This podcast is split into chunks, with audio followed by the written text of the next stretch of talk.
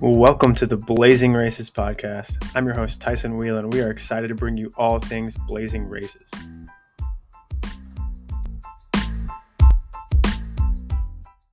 All right, welcome back to another episode. In this episode, we're going to be doing something a little bit differently. We're actually going to be covering the history of the 5K to kind of give us an idea of what is at stake if we have a fast race at the Blazing 5K.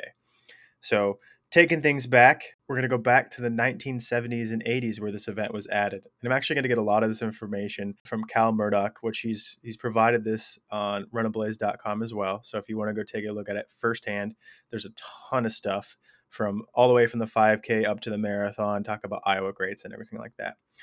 But back to it. This is going to be a distance that is primarily uh, suited for the masses. That does not mean that the elites do not show up every once in a while. In, in our case, we like to claim that we're the fat Iowa's fastest 5K. While that may be true right now, we actually cannot claim Iowa's greatest 5K yet. Uh, that title is going to be going to the YMCA All Iowa Festival of Races 5K over in Cedar Rapids. So this event kind of peaked back in 1991, 1992. This is going to be a case of the elites coming in to get some cash for sure. It was an elite only invitational for the 5K. They had previously had some 8K races at that Iowa Festival of Races, uh, but for these two years, uh, the prize money was high and the competition was high. It was a five loop course, which they offered primes on each lap. So you're looking at some cash on each lap, kind of like how we do the back loop challenge, and possibly how we'll expand uh, in, in future races, adding more distance, more prizes along the distance. So let's dive right into the results. So 1991, the prize purse was $18,200, which is a really big prize purse in itself. Uh, that was split evenly between the men and the women, but they had some fast times to follow. So the winner uh, was 1343, and that was on the men's side. And on the women's side, we had a 1545. These are great winning times but not to, not just the winners were fast. We actually had 21 women or 21 men under 1430 and then 11 women under 1630. Now, that's already in itself in a crazy fast race. But in 1992 they actually upped the ante. This became the women's national championship for 5K. And so on the women's side, we actually had a purse of $17,600 and on the men's side $9,600. So heavily weighted on the women's side and the results did follow. So the winner winner this time on the men's side was 1336 and on the women's side the winner was 1530. Women, we saw 16 women under 1630, so up by 5, and on the men's side we saw 23 men under 1430. So that takes us up by 2. Now, this is just an amazing race. Uh, there's definitely been some races along the way, but the Blazing 5K is probably the next best thing uh, compared to this event. We've had, you know, countless people under 15, countless people under 18 for the women, and so we definitely pride ourselves uh, on being a an elite focused race with the opportunity for uh, the open race to you know see some fast people run. Uh, it's entertainment for sure. Now let's dive into the Iowa all-time records. On this, the men's side, we have a 1336 is the fastest time ran by an Iowan on Iowan soil.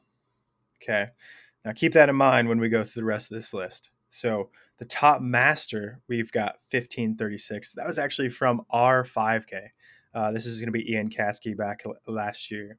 And then just to note what the Blazing 5K or the WR Elite, same event, different name, uh, has accomplished in already its two years of being an event. So we have the number 2, 4, 7, 8, 11, 14, 17, 22, 26, 28, and 33 fastest times in Iowa history on Iowa soil. So that's impressive. And that's only after two years. So I can only imagine what we're going to be able to accomplish this year, uh, with the help of outside states, of course, because there are definitely some some Midwest uh, powerhouses out there that are they're going to be joining us uh, for the 5K. So we're very excited to host, and we're excited to hopefully let that uh, carry us to some fast times. So that's on the men's side. On the women's side, we have a top time of 1604. Okay. Now keep that in mind uh, as we go through the rest of the list. Uh, we've got a top masters time of 1807. Okay. It was not at the Blazing 5K, but the number two is from the Blazing 5K. That's going to be 1817 from Run a Blaze, Iowa's own Jessica Ruska. And then when we, we flip back, uh, we've actually got the number five and the number 16 top times in Iowa history.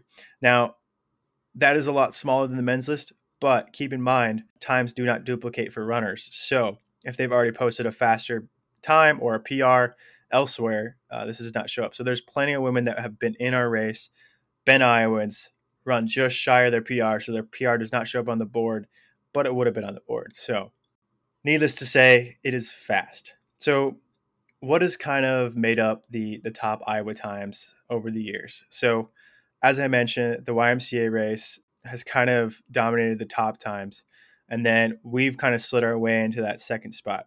But on top of that, you've also got an Iowa City race back in the 1990s that was able to attract some fast runners.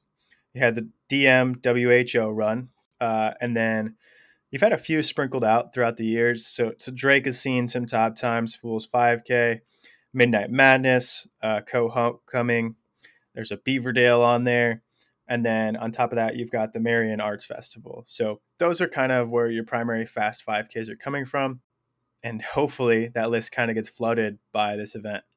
Uh, and so we're very excited. That was a brief little look at Iowa history in terms of the 5K.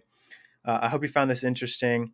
If you haven't signed up for the race, I would get it done. You don't want to miss this. If you can't race, come on down, watch the races. The open race kicks off at 8, women's race elite kicks off at 9, and men's elite race kicks off at 9:30. You will not want to miss this. See you out there. Thanks for listening.